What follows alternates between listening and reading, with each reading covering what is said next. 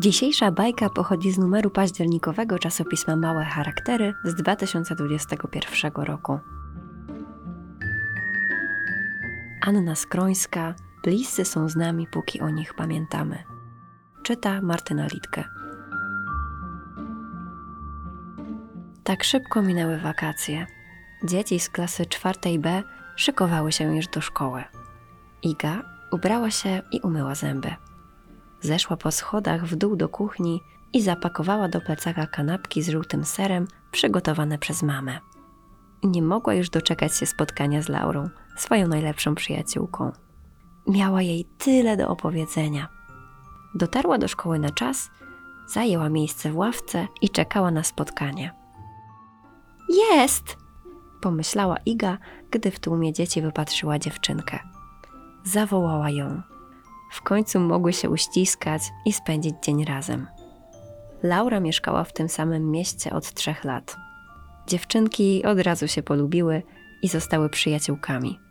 Lubiły się uczyć razem i spędzać czas na bieganiu z psami po łące, zabawie w sklep i układaniu przeróżnych historii. Jednak tym razem Laura nie była zadowolona z powrotu do szkoły. Na pytania zadawane przez Igę odpowiadała krótko. Rzadko się uśmiechała. Chciała jak najszybciej wrócić do domu. Ika poczuła smutek.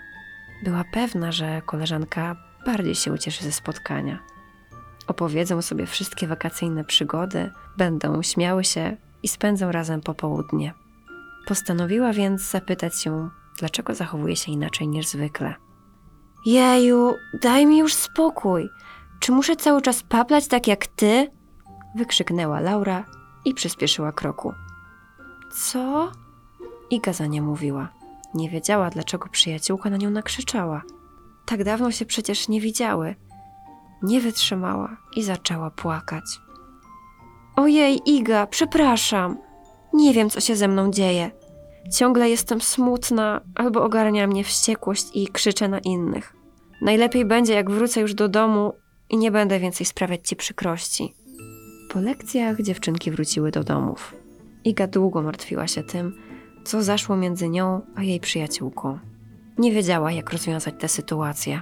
Pomyślała, że mama będzie najlepszą doradczynią i podpowie, co zrobić. Dlatego postanowiła z nią porozmawiać. Opowiedziała o wszystkim, co wydarzyło się podczas pierwszego dnia w szkole. Mama Alina pomyślała chwilę i powiedziała: Wiesz, kochanie, dzisiaj mija sześć miesięcy od pogrzebu taty Laury. Twoja koleżanka też była wtedy smutna. Teraz znów może być dla niej trudny czas. Pamiętasz, jak ty tęskniłaś za dziadkiem tatkiem? Pamiętam, Odpowiedziała Iga. nie chciałam bawić się z dziećmi i myślałam, że już nigdy nie spotka mnie nic przyjemnego i dobrego. Najbardziej chciałam, żeby dziadek wrócił i jak zawsze przeczytał mi bajkę przed zaśnięciem. Wiesz, kochanie, po stracie kogoś bliskiego ludzie ogarniają różne, niełatwe uczucia. Czasem są trudne do zniesienia. Dlatego Laura wyraża swoje uczucia tak, jak potrafi na tę chwilę. Trudno jest jej pogodzić się z tym, co się stało. Z czasem jednak będzie coraz lepiej. Ludzie pozostają w naszych myślach i snach, a także na zdjęciach. Niedługo będziecie wspominać jej tatę, a Laura będzie powtarzała, że ma takie same oczy jak on. Tłumaczyła cierpliwie mama Alina. Tak, tak, Wykrzyknęła Iga. Pamiętam, jak co roku w dzień moich urodzin dziadek Tadek opowiadał historię. Dawno, dawno temu urodziła się moja córka Alina. Pękał z dumy, gdy mógł zakończyć swoją opowieść tym, że tego samego dnia, 26 lat później, urodziła się jego wnuczka. Ja. Tak, rozpromieniła się mama. Dziadek pozostaje w naszych wspomnieniach. To tak, jakby cały czas był z nami, żyje w naszej pamięci. Nie tylko dzięki temu, że o nim rozmawiamy. Babcia raz w miesiącu gotuje jego ulubioną potrawę i śpiewa ulubione piosenki dziadka. Po tej rozmowie z mamą Iga zrozumiała, że jej koleżanka przechodzi trudne chwile. Postanowiła, że będzie wspierać przyjaciółkę. Poczeka na czas, gdy złość oraz smutek będą mniejsze i dziewczynki będą mogły wspomnieć tatę Laury. Jego tańce, wygibańce, długie spacery z rozpoznawaniem roślin w lesie i serwowanie zdrowych posiłków. Pomyślała, że opowie koleżance o swoim dziadku i o tym, jak razem z mamą radzą sobie z tęsknotą. Następnego dnia spotkała Laurę w szkole.